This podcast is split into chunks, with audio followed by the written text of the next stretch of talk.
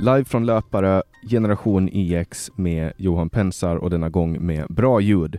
Jag har släpat mig ut hit fysiskt och vi sitter i sällskap av fåglar och vatten och andra djur som har vaknat till sommaren och med Johan Pensar. Välkommen Johan Pensar till din egen podd. Tack så hemskt mycket, vad kul att vara med här. Det är väldigt roligt att göra det här tillsammans med dig. Det har varit lite, lite ledsamt och eh, det är klart att Anders kommer att vara saknad, men jag hoppas att ni som lyssnar ändå trots omständigheterna är nöjda med att vi fortsätter rulla på som vanligt. Anders är ju den som står bakom det här fantastiska ljudet som vi har här idag. Men eh, Johan, svensk matkultur har trendat på Twitter, Swedengate. Att få sitta i sin kompis rum medan kompisen äter. Är det någonting du har varit med om? Nej. Att man äter tillsammans i rummet? Nej, att när man var hemma hos någon, så var det när jag var liten i alla fall, så, så när kompisen skulle äta... Då, då får man ju mat, eh, det är väl självklart. Ja men ty tydligen inte har många upplevt det så. Så var det för mig. Jag var hemma hos eh, folk och då fick jag sitta på rummet medan de åt. Ja, jag ska bara äta nu, du får sitta här och vänta.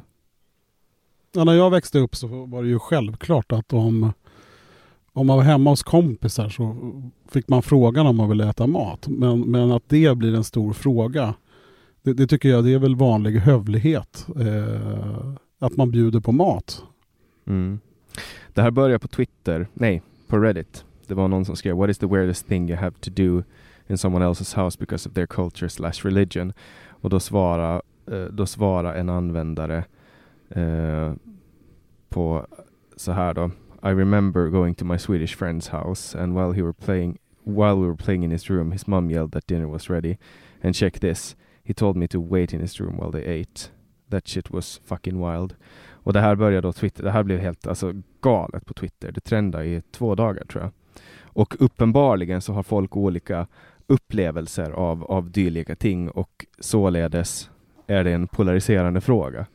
Eh, men det här gick ju så pass långt att eh, liksom experter har gått runt och eh, liksom uttalat sig om det här att ehm, um, Nej, men det är för att svenskar är så hövliga och vill inte att andra människor, andra familjer ska känna att de inte har råd att mata sina barn och så vidare.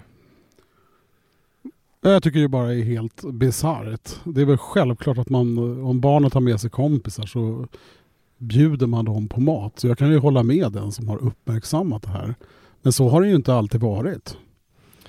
Nej, alltså kollar man tillbaks 150 år i tiden då fanns det väl inte så mycket mat i allmänhet i Sverige.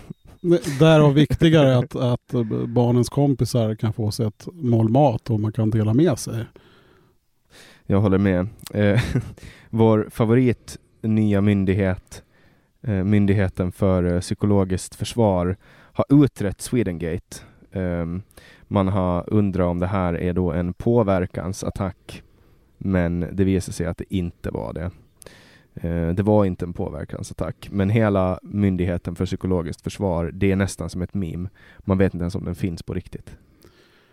Är inte det ett fatalt eh, misslyckande för den myndigheten? Om man då ska få förtroende för politiken och desinformation och man vet inte vad, gör de där? Alltså de sitter och uttalar sig om internetskämt och memes. Det, det är det enda jag har sett av dem. Ja, men vad, blir inte det till slut en förtroendefråga? Det vill säga om staten ska berätta vad som är desinformation och inte och så sitter man och eldar upp sig om, om barnen ska få mat tillsammans när de har kompisar över och massa konstiga memes och liknande på internet. Eh, är inte det ett misslyckande för den myndigheten? Ja, nu är ju de ett meme i sig nu kommer det någonting som låter bisarrt, ett uttalande från en enskild minister och så har folk lagt in eh, deras emblem, Myndigheten för psykologiskt försvar där ovanför. Och det är ju faktiskt jättekul. Det är väldigt roligt. det är ju väldigt roligt. Men då blir ju det, då får ju Myndigheten för psykologiskt försvar gå ut och säga att det är desinformation. Men det är det ju inte för att det är ett skämt. Jag tycker att det här bara blurrar upp vattnet och gör det ännu svårare att veta men, vad som är sant. Ja, men jag håller med dig och, och Alltså det har ju varit otroligt populärt med fake news och liknande som sen visar sig inte vara fake news. Eh, och när staten själv då i dess propagandaorgan ska avgöra det här eh, så, så blir det ju nästan humoristiskt eh, hela den biten. Och är, är inte det ett förtroendeglapp gentemot media och, och staten, eh, liksom offentlig sektor generellt sett. Och sen går de bort sig så här mycket. Det, det måste ju vara eh, ja, men det är ju nästan, eh, det är ju nästan som en dålig satir. Eh, som en dålig komedi hela alltet. Det här också.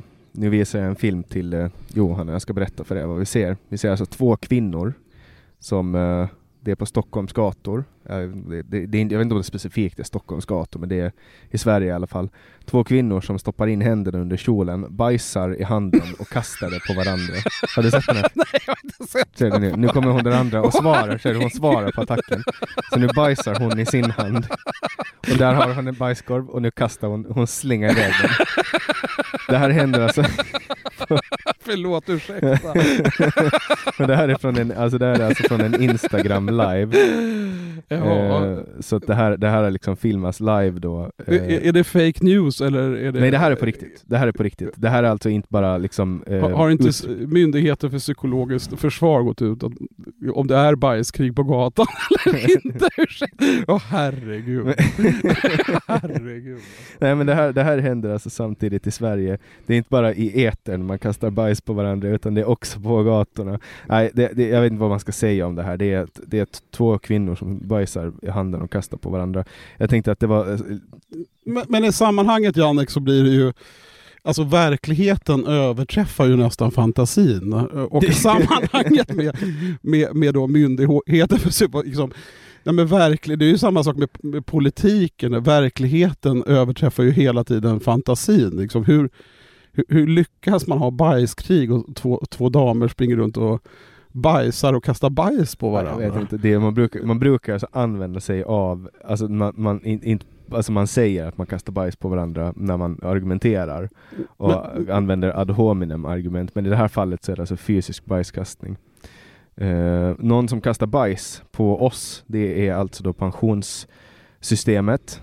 Uh, nu har man då höjt pensionsåldern från 63 år till 66. Och det här är en förändring. Var inte det 65 tidigare? Ja, står, står För grundskyddet och garantipension, bostadstillägg och äldreförsörjning höjs pensionsåldern från 65 till 66. Så det är de som är födda efter 31 december 1957 då. Uh, och, och, det här är ju, man säger ju att man lever tre år längre, att det är därför, men jag tror också att det kan ha att göra med att det är en pott pensionspengar som ska delas ut. Ja, det räcker ju inte. Det räcker inte. Det, det, det är ju så, det, är, det vet vi ju redan, eh, eller det finns ju mycket statistik som visar på att vi kommer behöva jobba längre. Och det har ju att göra med att vi lever längre.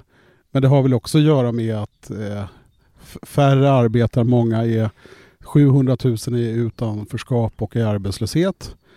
Eh, och då blir det ju mindre kvar till pensioner. Eh, ja, alltså vi såg, då måste man ju höja. Alltså vi såg ju hur det gick för Grekland. Ja, det var ju lustigt. De hade ju alltså vad jag förstått, var det 55 år eller någonting? Ja, och de det var ju många som var, alltså, som var avlidna där pensionerna fortsattes betalas ut. Mm. Men hela Grekland gick ju i konkurs, hela staten gick i konkurs. Ja. Eh, och, och det, var så, det var så det gick och, och nu vet man ju vad som händer eh, när, när man liksom fibblar med pensionssystemen. Men, men det har jag fått som råd i alla fall. Jag är 28 år i, idag när vi spelar in det här och vad jag förstår så kommer det inte att finnas någon pension till mig. Så det jag behöver göra det är att spara pengar själv. Eller... Och det har ju också att göra med om du tittar på fattigpensionärer. Jag menar nu, jag läste om det var CIA.gov som jag tycker är bra för att titta på exempelvis Sverige. 17,1 procent var below poverty rate 2018. Så pension, alltså pension, pensionerna räcker ju inte till idag och sen har de bostadstillägg och liknande. Så redan idag med inflationen, stigande priser, det här går ju inte ihop. Nej. Folk det, får ju inte sin, sin månad att snurra runt i det här. Det är definitionen av en tickande bomb. Ungefär. Ja, det är det. Och frågan är då kan, alltså om ingen skapar värde, om, om den gemensamma kakan krymper, hur, hur ska politiken fördela den kakan som inte existerar? Mm. Man skulle kunna ta man skulle kunna ta och lägga ner 15 onödiga myndigheter och låta Ja, deras det, det årsbudget- räcker nog faktiskt inte. Man skulle kunna man skulle kunna halvera ungefär gissar jag på Mm. och ändå få en högre produktivitet. Man och så bara skickar man in, skickar in deras budget i några år i pensionsfond. Nej, men det handlar ju om att, att det är ju att eh, alltså offentlig sektor har, kallas ju numera i vissa, för vissa sammanhang för offentlig sektor. Och det är ju inte så att man gör rätt saker. Det vill säga, det, det, det är ju inte så att det går till de äldre och fattiga och sjuka och barnen. Utan man, man håller ju på med en hel del massa andra saker med alla då kommunikatörsstrateger och, och vad de nu gör för någonting. Så man behöver nog se över produktiviteten för det, den, de, det håller ju inte. Det vill säga man spenderar mera än man får in på skatter. Och sen ska det här räcka till pensioner och det, det gör det ju inte. Mm. Tyvärr. Nej. Så det här, det här kommer ju bli problematiskt. Så vad händer med de som inte har privata pensionsförsäkringar och kanske jobbar på Alltså i privat sektor eller offentlig Det kommer, sektor. det kommer att bli som Skid Row. I, Det kommer ju LA. inte bli bra. Nej, Det kommer att bli tältläger inne i Det- plattan. Ja men sen, samtidigt så går ju diskussionerna liksom att nu ska, nu ska äldre få 107 kronor mer i månaden och samtidigt ser vi livsmedelspriser som ökar. De har ju inte råd att värma upp lägenheten Nej. och så får de äta en korv istället för två. Nej men det där märker man, det är bara att kolla nu på hur, alltså, alltså konsumentprisindex är i normala fall en ganska, alltså man märker inte av själv eh, de här, den här långsamma inflationen som, som påverkar oss, men nu efter kriget i Ukraina, efter corona, så märker man av det. Alltså man, det är väl Det syns vid bensinpumpen, det syns när När man man ska ska, handla tomat, ägg, eh, ägg, det handlar om kött, det handlar om, om barn! barnens mat. men du har sett den va? Det, handlar- det handlar om barn! nej, men, nej men så är det ju. Vi ser ju en, en, en inflation. Det är ju superallvarligt eh, det som inträffar nu. Det är ju basvarorna som ökar i pris. Elräkningarna sticker iväg. Eh, man kanske behöver åka, åka och, iväg till, till inte vet jag, något möte och, och då har man inte råd att ta bilen för det är för dyrt. Nej alltså jag... det, det, det stiger ju överallt och det här, jag, jag tror tyvärr att vi bara är Alltså det, vi är i början utav den biten, tyvärr. Ja, alltså det- och, och central, eller riksbankschefen nu, de har ju problem med det här. Hur ska de balansera det här? Och höjer de för mycket, då sticker ju bostadspriserna ner och bostadskostnaden går upp. Och hur mycket klarar hushållen just nu? Och allt det här leder ju fram till att det, många blir ju fattigare och väldigt många människor, alltså vanligt folk får det mycket sämre. Mm. Och det går inte att påverka med 107 kronor mer, liksom de här små tramsnivåerna. Det finns ju en klass som alltid klarar sig och det är de som jobbar på public service. Och public service är ju lite som en, det är lite som en sjukdom, lite som ett cancersvulster. och problemet är inte bara att det är våra pengar som de tar för att sen producera nyheter som de själva tycker om, utan det är ju också den här sjukliga kulturen som uppkommer där. Och eh, inte ens England som nu har lyckats bryta sig från EUs klor har lyckats ta sig undan från public service, eh, utan de har ju BBC och jag snackar inte om Big Black Cock utan det är alltså Den brittiska British Broadcasting Company eller Ja. whatever, BBC. Radio och TV i, i UK. Ja, deras motsvarighet till SVT då. Och de har alltså bytt jag, jag läser den engelska rubriken för att slippa göra en liveöversättning. BBC changed rape victims quotes to avoid misgendering her trans attacker. Woke staff replaced every reference to male-born abuser as he slash him to they slash them to be inclusive. ja men herregud alltså. Mm. Man alltså, BBC har alltså gått in och ändrat ett pronomen eftersom eh, personen som, eh, alltså eh, förövaren var transsexuell och man ville ta hänsyn till personens kön eh, så man ändrar alltså pronomen i en artikel. Ja. Ja. Men, men det är det inte lite väl lättkränkt? Finns det inte andra saker Men, att att det, fokusera det, på? men det man gjorde var alltså man tog offrets historia och återgav inte offrets de pronomen som offret använde, utan man ändrade offrets citat Ja, det är ju helt vansinnigt. för att vara inkluderande. Jaha. Så att då är det alltså ett, ett våldtäktsoffer som man ändrar i eh, historien så att inte den förövaren ska bli kränkt av. Ja, men det, går, går man inte lite väl långt i, i, sin, i sin strävan efter att vara PK, woke och hela den biten? Mm. Det här finns ju också i Sverige. Det var ju två somrar sedan som man gjorde ett utrop på Sveriges Radio för att det var för lite utländsk härkomst. Då ville man alltså göra en rasinventering av de anställda. Och vad kom man fram till då? Ja, det var, det var liksom jag kommer inte ihåg alla efterspelen, men jag vet att jag och Anders slammade dem jävligt hårt för det där. Sille Benke vägrade göra någonting som vanligt. Och, och, och jag menar, de hade ju jag, någon... jag, jag, kan väl hålla, hålla med liksom, att minoriteter, jag, jag, kan förstå resonemanget, men när minoriteterna det blir lite för mycket så blir ju inte det där bra. Ja men då får man ju också kolla så här, alltså så här, det, det, det, där, det, där är ju som en, det där är ju som en hydra tar du huvudet av alltså, en månghövdad hydra, du bara skär, du skär huvudet av den så kommer det ut två nya huvuden. Du kommer, du kommer ju inte lyckas hantera det där. Nej, men det där, och, och då också så här, vad ska vi göra då? Ska vi kolla på eh, hur många somalier finns det i Sverige? Ja men säg att det är, jag hittar på en siffra, nu säger att det är 6% av svenska befolkningen somalier. Då ska vi ha exakt 6% somalier på Sveriges Radio.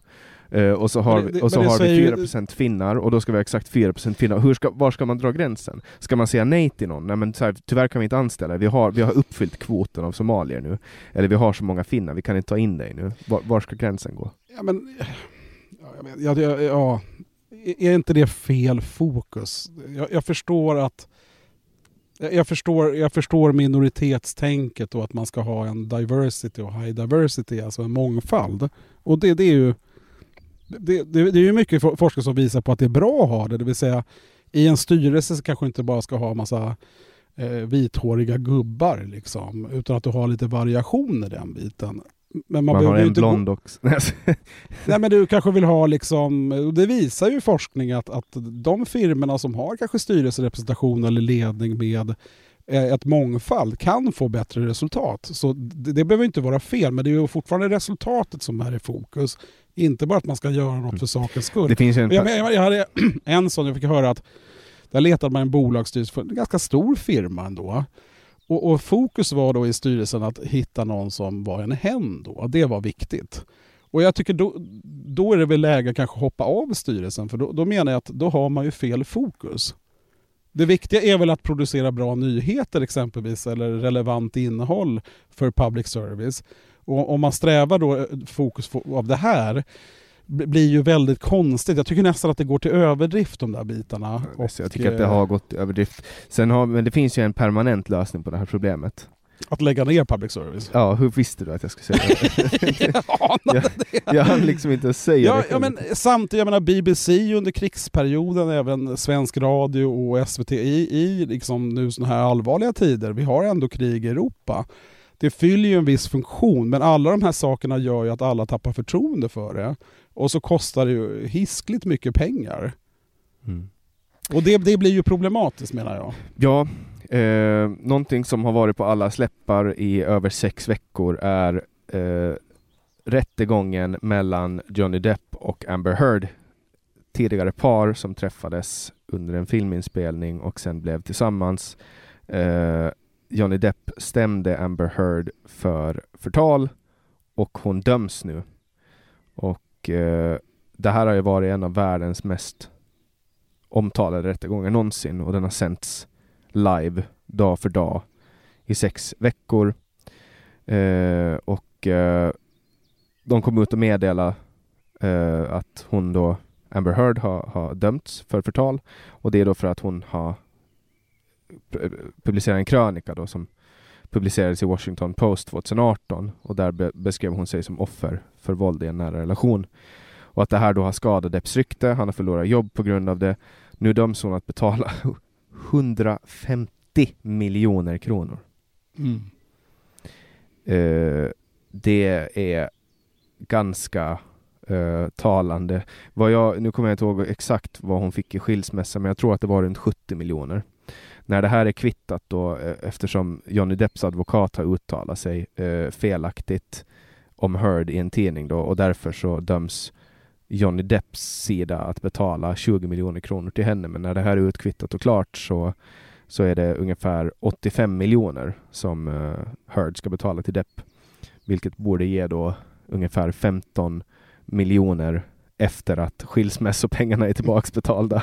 Det, det blir jobbigt. Det blir, det, det blir nudlar med andra ord. Ja, det är en kännbar förlust och det kommer inte bli jättelätt för henne att få nya jobb heller, tror jag, efter det här. Eh, Johnny Depp är nöjd i alla fall och han säger att eh, juryn har gett mig mitt liv tillbaka, säger han. Är inte det intressant, Jannik, jag menar, att en man också vinner i sådana frågor? Ja, hon uttalar sig i en film eh, som spelas upp i rättegången där hon säger att vad ska du göra? Ska du eh, låta, eller vad tror du juryn kommer att tro på dig? Eller typ så, säger hon i den här filmen då. Och eh, uppenbarligen så tror ju juryn på Johnny Depp. Så det här är, är någonting som har talats ganska mycket om nu på senaste. Vad, vad trodde du att utfallet skulle bli av den här rättegången?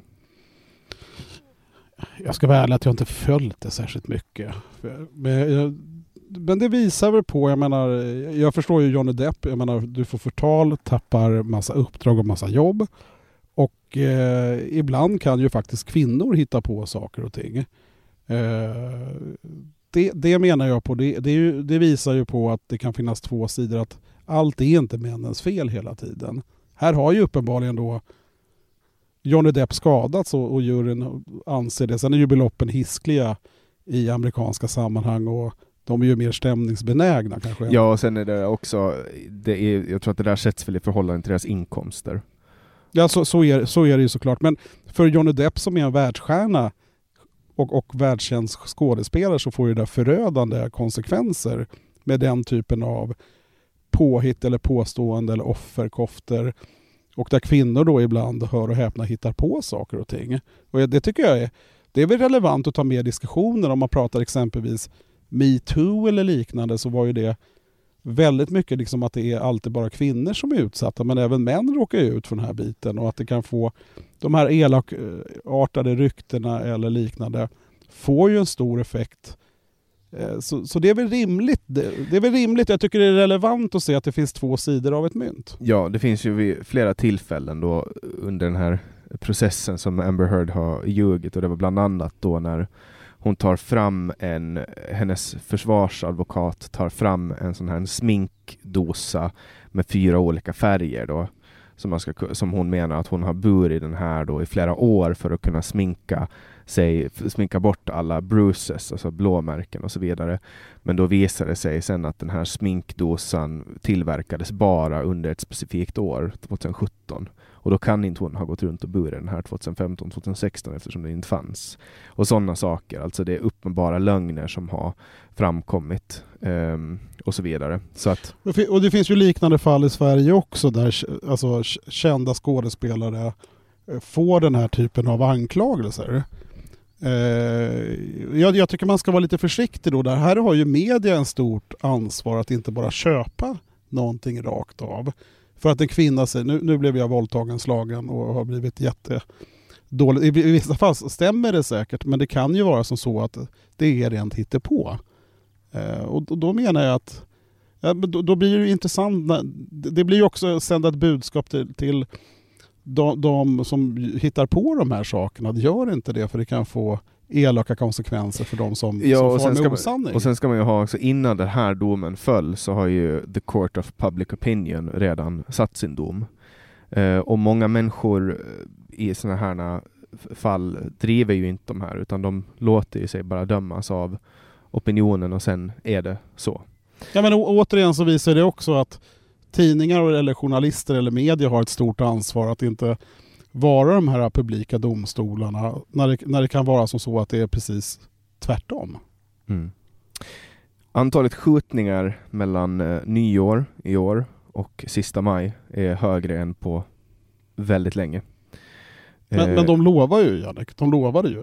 Ja, 151 skjutningar på 151 dagar fick vi höra eh, om den här veckan och eh, på justitieminister Morgan Johanssons bord ligger den här komplicerade frågan och väldigt många anser att han inte har gjort eh, det han ska. Moderaternas Tobias Billström säger Morgan Johansson är i alla kategorier den mest lögnaktiga ministern i regeringen.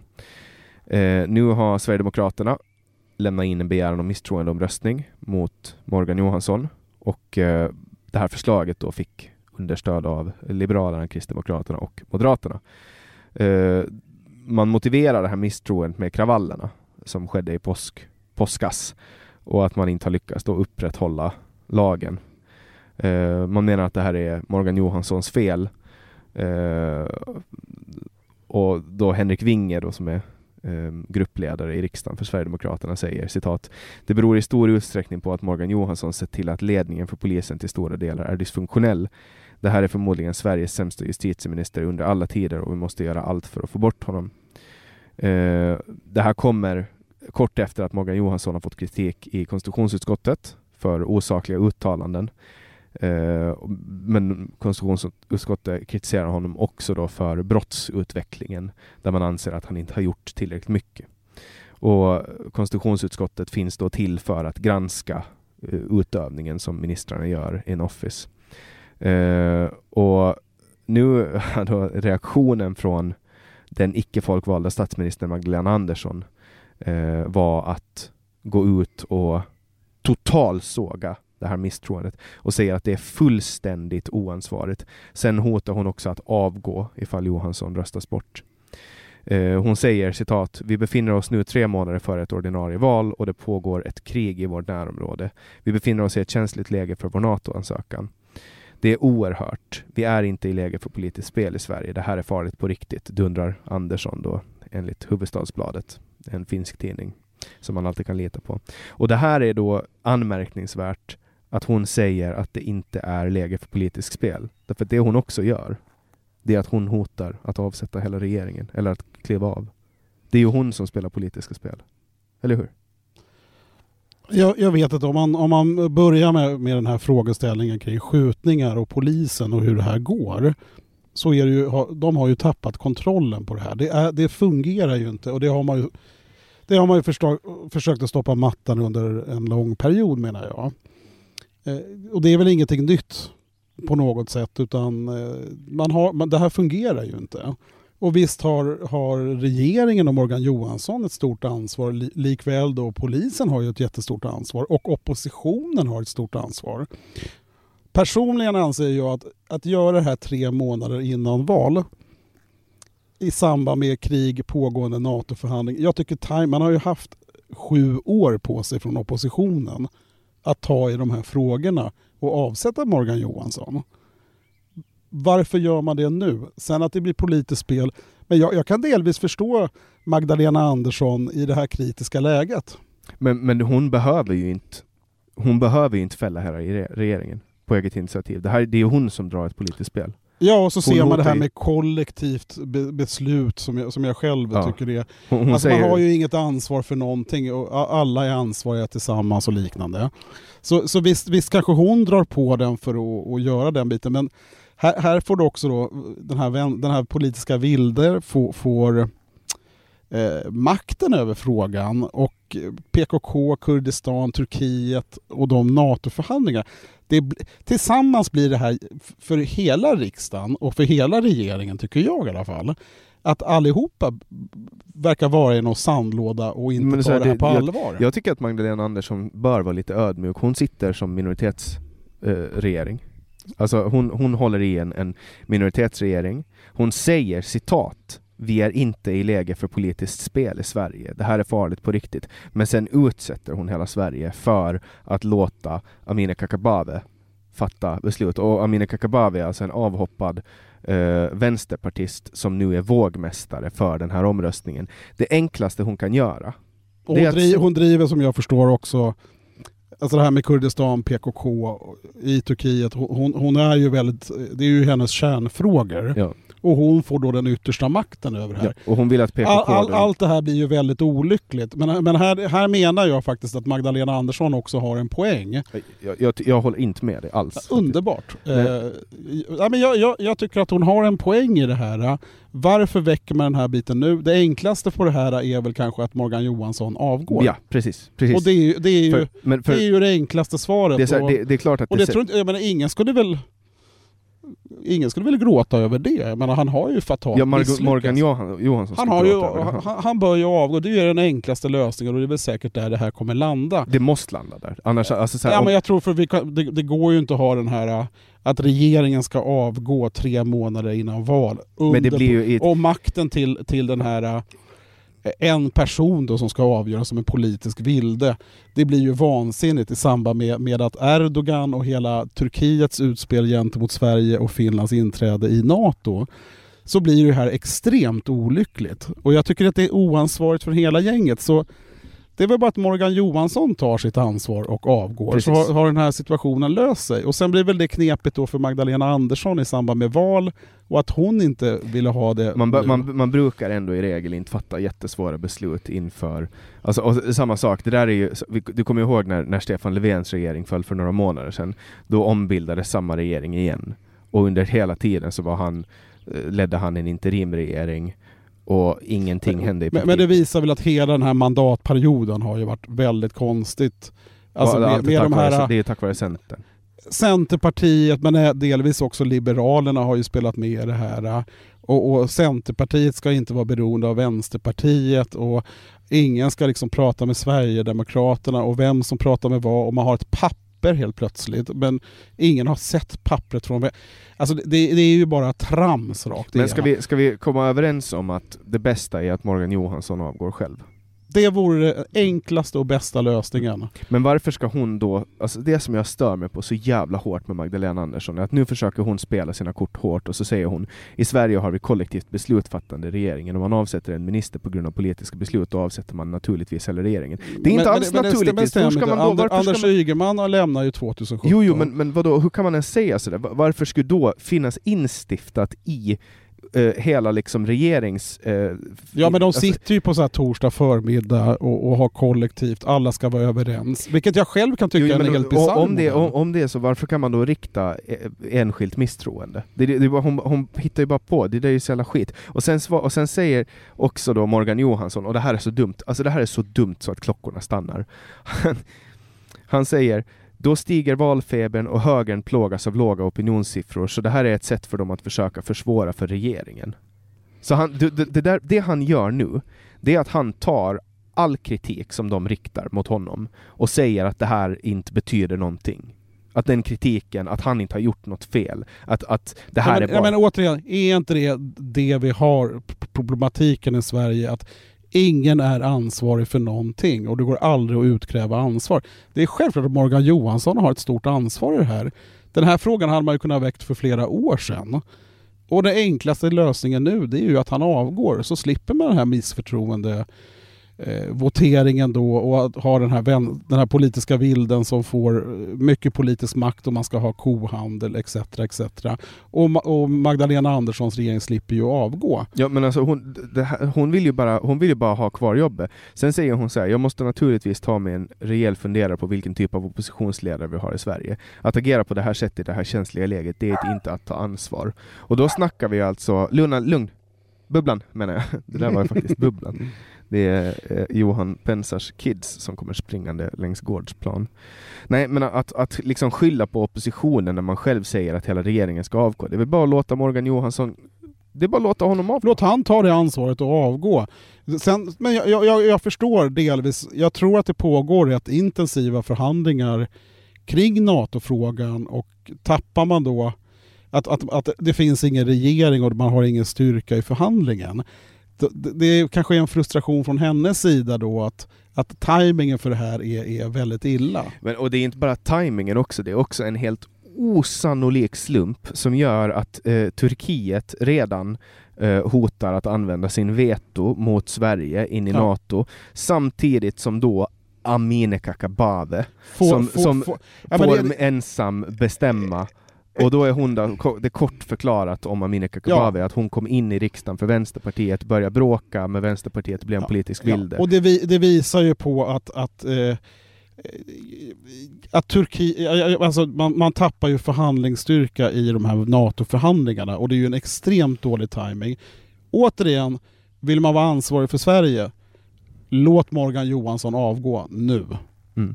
Ja, och hon, hon utnyttjar ju det här. Självklart. Alltså jävla mycket genom att säga att PKK ska sluta vara terrorklassat trots att de har dödat, jag vet inte hur många människor är det? 35-40 personer har dött i attentat de senaste 15 åren. Jag vet inte, men, men det, det, det, det är ju ett... Det är ju en känslig fråga i Turkiet och Irak och Kurdistan. Alltså det, det, är ju känsliga frågor och Sveriges ställning där kan man ju diskutera också med hur, hur liksom statlig finansiering och bidrag och liknande har gått till. Och var, var, den här, eh, alltså var man står i de här frågorna. Så jag menar Turkiet använder det här läget också för att öka sitt förhandlingsläge för att kunna få igenom olika ja, saker. Och, och, och hur blir det här då? Hur, alltså det här, Turkiet uppfattar ju det här nu som att Kakabaveh har oerhört stort inflytande i ja, det har vilket ju. hon har. Men, vilket hon har fått ja, nu men, i samband med den här situationen. Och det kanske inte oppositionen tänkte på. Eller så gjorde man det. Det kan vara, jag tror att det kan vara kalkylerat. De vet ju, hon har ju varit med och bestämt om regeringen ska sitta eller falla för. Ja, jag vet. Jag vet. Och det här, det här var antagligen eh, kalkylerat. Men att, att Magdalena Andersson inte visar ledarskap och bara liksom men är, är det inte gå. svagt ledarskap från båda två då? Oppositionens timingen med det, det kanske är kalkylerat. Och även då från Magdalena Andersson som spär på den biten och ger makten till den här politiska vilden. Som kommer utnyttja sin situation. Hade det inte varit bättre att Morgan Johansson, att man, att man löste det där på ett snyggt sätt? Men visst är det politiskt spel från båda sidor? Ja, jag, jag fattar inte hur de... Hur ja, det, de det, är ju, det, är, det är ju inte att ta ansvar för Sverige i alla fall. Nej, och i vårt, ja, mitt grannland, eh, givet att jag bor i... Åland? Ja, alltså Åland, Finlands grannland Ryssland.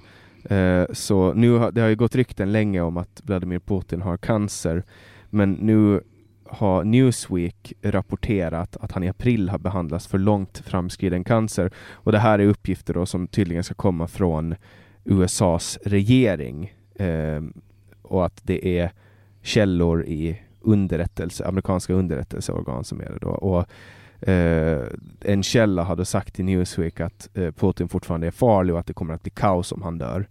Eh, och att, ja, vi får se. Eh, fransk TV har nyligen intervjuat eh, utrikesministern Sergej Lavrov, då, Rysslands utrikesminister, och då fick han en, en, fråga om, om Putins hälsa och då svarade han då ganska kryptiskt utan att dementera uppgifterna. Och man får ju på något sätt hoppas man ju att, att Putin ska dö. Men frågan är vad händer då? Ja, då kommer ju någon inom den maktsfären kliva fram. Det kan ju bli värre. Så, så här, här bör man ju tänka till lite. Sen ja, om han är sjuk eller inte vill inte jag spekulera i. Ja, men han ser ju inte frisk ut när man kollar på bilder. Här är en ganska ny bild på honom. Du ser ju, han ser ju ut som en jävla leksäck. Jo, så kan, så kan det ju vara, men, men jag tror också på, med, tal, alltså med tanke på desinformation och fake news. Jag, jag gissar väl på att underrättelsetjänsterna runt om i världen eh, har ganska, sitter och analyserar hur han ser ut eller inte och har säkert folk på insidan som kan ja, ja liksom, hålla koll på det här. Men vad som är sant eller falskt vill inte jag spekulera Men om man tar att han skulle vara dödligt sjuk då och ha några månader kvar att leva den stora frågan i Ryssland är, vem kommer efter Putin? Och det är ju inte säkert att om det är samma maktsfär så, så kommer ju kanske problematiken öka. Och jag vill påtala här Janne, jag tror världen har ju aldrig varit så här nära kärnvapenkrig eller liknande. Vi har väpnad konflikt i Europa. Det är spänt med de här NATO-förhandlingarna med, med Sverige och Finland som ska anslutas. Och det pågår massa geopolitiska krig runt om i världen. Jag, jag menar på att man, man bör ju vara försiktig. Det kanske är som att Putin han är galen och han har tappat och han är maktfullkomlig eh, och han kanske är jättesjuk. Men, men det, han är ju inte helt ensam. Jag, jag, jag, gissar ju på att det finns en hel del människor runt omkring honom och att man har redan funderat på vem som ska ta vid efter. Jag tycker att det skulle vara ganska fett om Roban Abramovic skulle ta över.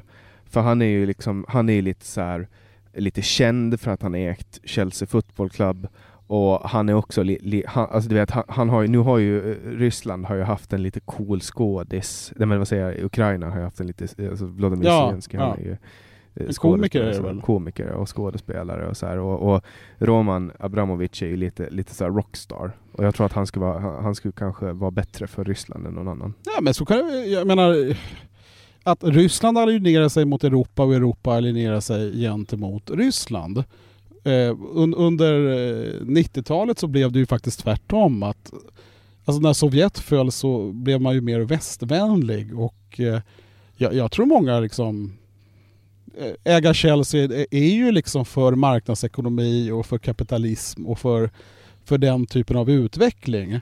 Så, så frågan är vad som pågår inom Ryssland nu och vem... Men, men att en, hur den maktfördelningen kommer se ut efter, det är ju en superkänslig fråga. Och, eh, men, men jag håller med dig, det kanske, det kanske är han som ska ta över Ryssland. Det kanske vore bättre kan alla spela fotboll igen och liksom dricka lite vodka och ha lite kul mm. istället för att hålla på och ha ihjäl varandra. För, före alla ryssar blev bannade från att, att åka någonstans så brukade han komma till Åland med sin uh, jakt och lägga sig. Ja. Uh, eller yacht säger man väl. Ja, de har ju begärt tillbaka de här yatarna som har beslagstagit i Europa och av USA. Uh, de, har ju, de har ju snott dem, konfiskerat de fartygen och skeppen. de har ju begärt tillbaka dem. En sån ska man ha. Ja, de är jättefina men det finns mycket, säkert mycket det finns säkert mycket upprörda känslor kring de här bitarna också men jag tror man ska man kanske ska vara lite försiktig att provocera Ryssland för mycket så att de blir ännu mer förbannade. Eh, sen har vi Ukraina-kriget där också men återigen, det visar ju på hur, hur, allvarligt läget är och att det, det här är inte lek eller skämt och, och, det är väl där de här politiska spelen återigen. Man känner sig lite trygg när man ser vad, vilka jollar som ligger i Stadsgården nu.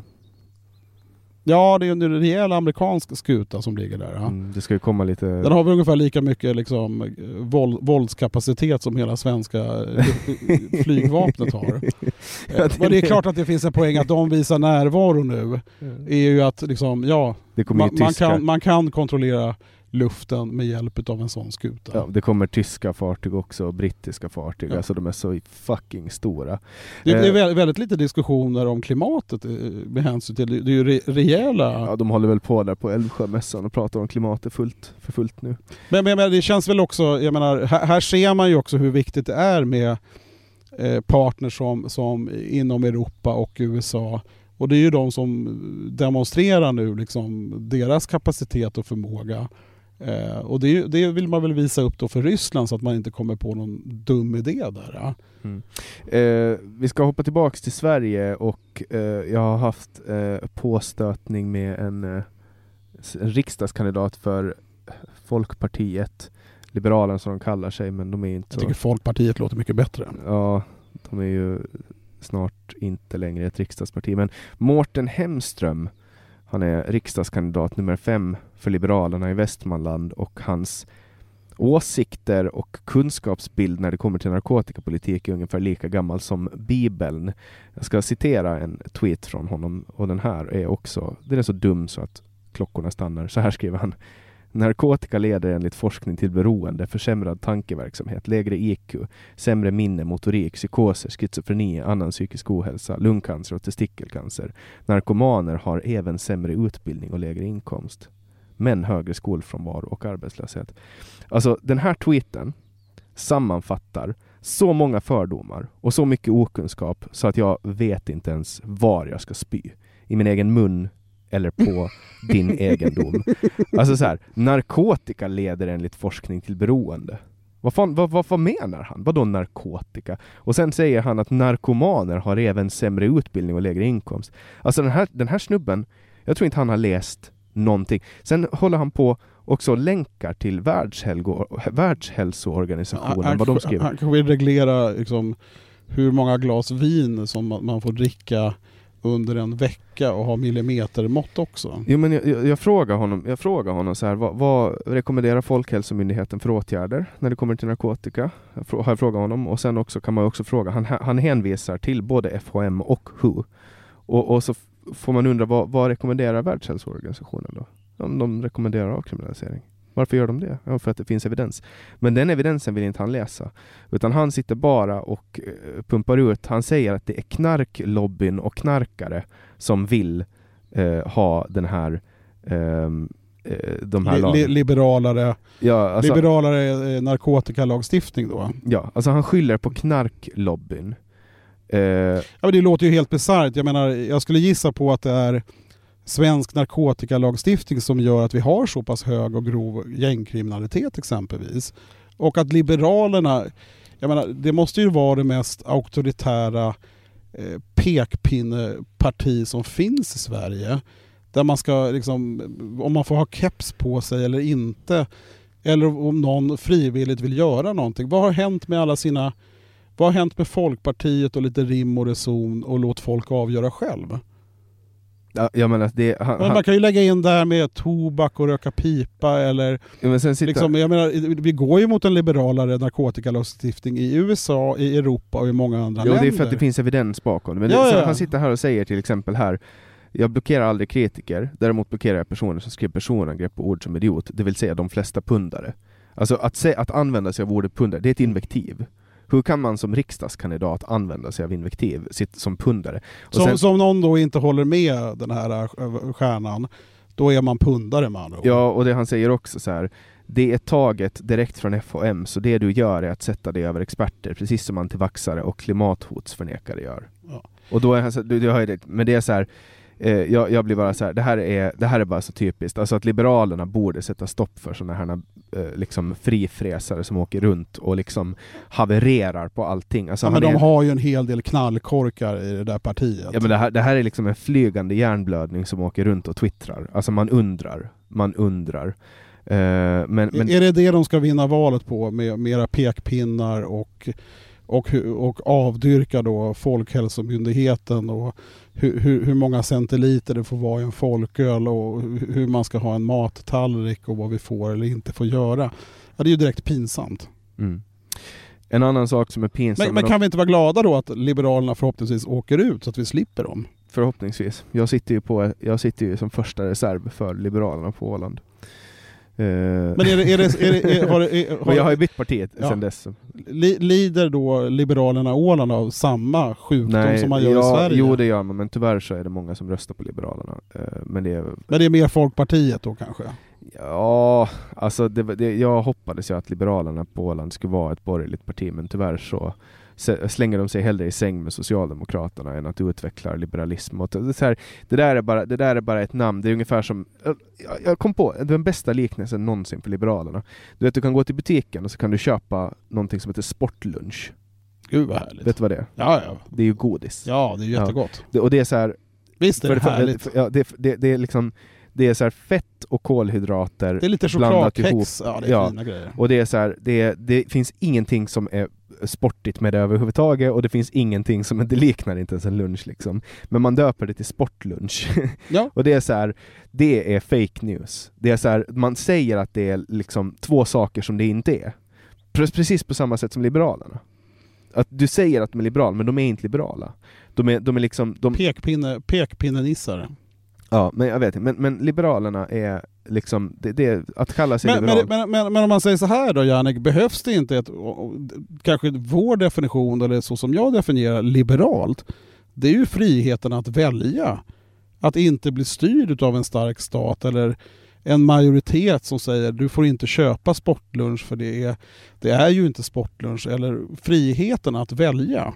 Mm. De här, Ja, det- upp, de här uppläxande bitarna, jag förstår inte hur Liberalerna, om det ska vara ett frihetligt och liberalt alternativ. Jag, jag, jag förstår inte resonemangen om jag ska vara ärlig. Ja, alltså enligt då Mårten Hemström, stjärnan som vi pratade om tidigare, så skrev, han skriver så här då, han har till och med pinnat den här tweeten, han tyckte om den så mycket. Han skriver Socialliberalismen är en sorts liberalism, inte en sorts socialism. Många som kallar sig socialliberaler är egentligen socialister. Sann socialliberalism söker låg skatt och därmed självbestämmande kombinerad med hjälp för de som inte klarar sig själva och med sociala reformer. Men vänta nu. Ändå sitter han med pekpinnar. Det här är också sån här, du kastar ut en rökridå och så bara säger du någonting om någon annan och begreppet socialliberalism. Det finns ingenting som heter socialliberalism. Nej, Jag har faktiskt inte hört det. Socialkonservativ har jag hört. Ja, men så, eller så här, jo, socialliberalism finns ju som ett begrepp, men det du kan göra, att så här, jag, du och jag kan hitta på, eh, vi kan hitta på ett begrepp nu, konservatism, kapitalism. Och så Det bara... låter, låter ju jättebra. Ja, men och så, och så, så lite liberal definier- touch och så definierar vi det och sen börjar vi gå runt och så säger vi att vi är konservativa. Fast egentligen så är vi konservatism, ko- konservatismkapitalister. Och, och, så här, och så bara Men, men, är inte, men är inte det Liberalerna i Sveriges då problem? Att ingen vet ju vad, vad är det här? Nej, men de vill sälja så här, frihet säljer. Man brukar säga att sex säljer, men frihet säljer. ja. Alla människor köper alla dagar i veckan ett argument som går ut på att du får välja själv. Ja, inte i Sverige. Här verkar man ju... Nej men här tror man ju att, så här, här, här säger man till folk att jo du får bestämma själv, men inte här för det är redan förbestämt. Så, Ja. är så här, någon som bestämt det åt dig. Men, men fri- friheten att välja låter ju som en sympatisk bit. Och, och det, det saknas väl det alternativet. Och när Liberalerna då säger sig företräda frihet och friheten att välja. Men så går man in med de här pekpinnarna oavsett om det handlar om sportlunch eller om, om narkotika eller liksom, om man kan få köpa en pilsner på matbutiken eller inte. Det blir ju ganska, blir det inte ganska tramsigt att man inte vet vad man, man vet inte var de står någonstans och släpper de fram ännu mer knallkorkar är, är det det de ska gå till val på och springa runt med pekpinnar? Jag menar ju också om man tittar på debatter i skolan i Sverige. Ska man ha keps eller inte i skolan? Alltså, hur kan Liberalerna springa runt och förbjuda keps i skolan? Det blir ju helt sjukt. Jag menar, om, om du gick i, i gymnasiet så kan väl du få välja om du har en keps på dig eller inte. Varför är det så himla känsligt? Ja, men det, där är ju, det där är ju också så här, det där är ju etikett. Och, och etikett och moralism och... Eh, Men det är ju det, det, är ju det svenska Liberalerna håller på med. Ja, ja, gud ja. Det är det de håller på med. Eh, Stockholm Marathon. du, sa tidigare, du sa tidigare att du, du hatar eh, cyklister och joggare. Ja, ja, det är Och- för att jag själv inte är i Ja, den målgruppen. Så man skulle kunna nästan tro att du var en MC-polis, där, därför att de kommer då, ledartrion, tre eh, snubbar då som är, eh, leder eh, Stockholm Marathon, och så kommer den jävla mupp som visar dem fel. Så de springer mot Danviks Tullsbron istället, springer fel och så får de vända om.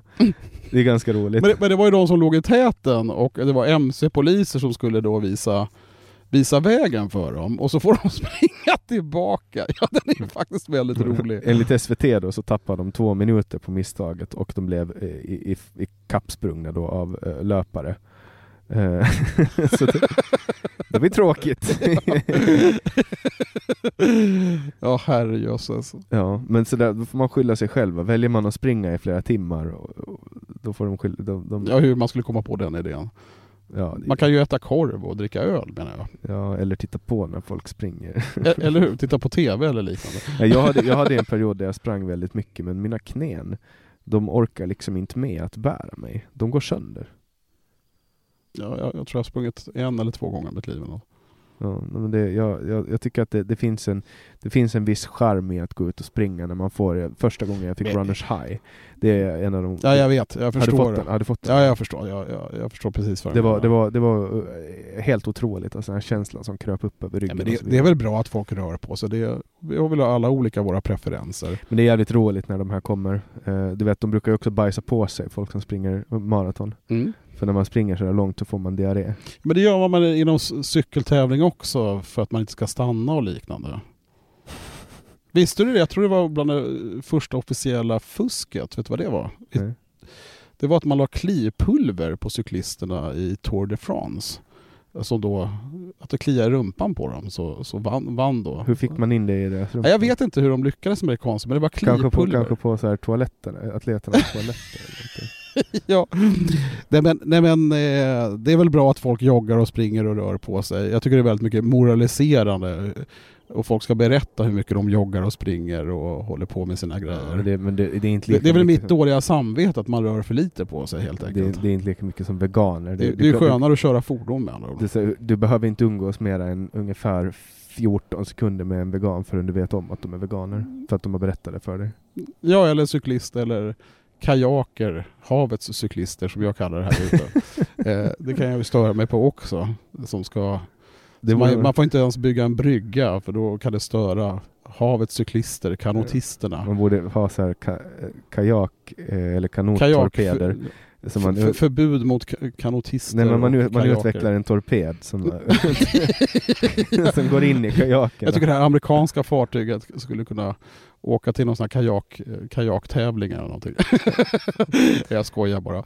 nej men, det är nej, fel- men det är eh, folk. det är ju jäkligt trist att Stockholm Marathon, jag menar det är ju uppskattat att de inte lyckas få Få, få rundan rätt är ju faktiskt lite Men det är humoristiskt. ganska roligt. Det är ganska roligt faktiskt att någon har vif- viftat dem på fel. Ja, och de som leder också. Det, det, är ju faktiskt lite kul.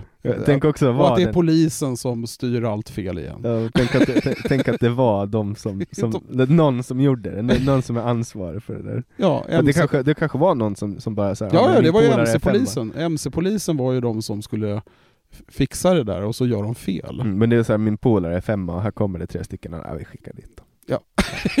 ja men eh, nu, Var det riggat i frågan? eh, det kan vara så. Eller hur? De- det är de kanske någon som har bettat där eller att det är, vem som ska vinna är redan uppgjort. får man betta på maraton då? Det vet jag inte. Kan man betta på val kan man väl betta på maraton. Kanske, men det känns ju som att då, det, det är ju lätt att rigga. Var det det som hände? MC-polisen var med på att rigga Stockholm Marathon. Kanske det var, vi lanserar den Fel springare vann. Ja, eh, nu har vi summerat den här gångna veckan och till alla som lyssnar, ni kommer ju att höra oss återigen nästa vecka. Det här blev ett lite längre avsnitt än vanligt. Det blev nästan en timme, men det är ju ganska fint väder att sitta ute och babbla och det har varit en ganska fullspäckad nyhetsvecka. Med det sagt, jättestort tack Johan Tack Jannik och tack alla ni som lyssnat.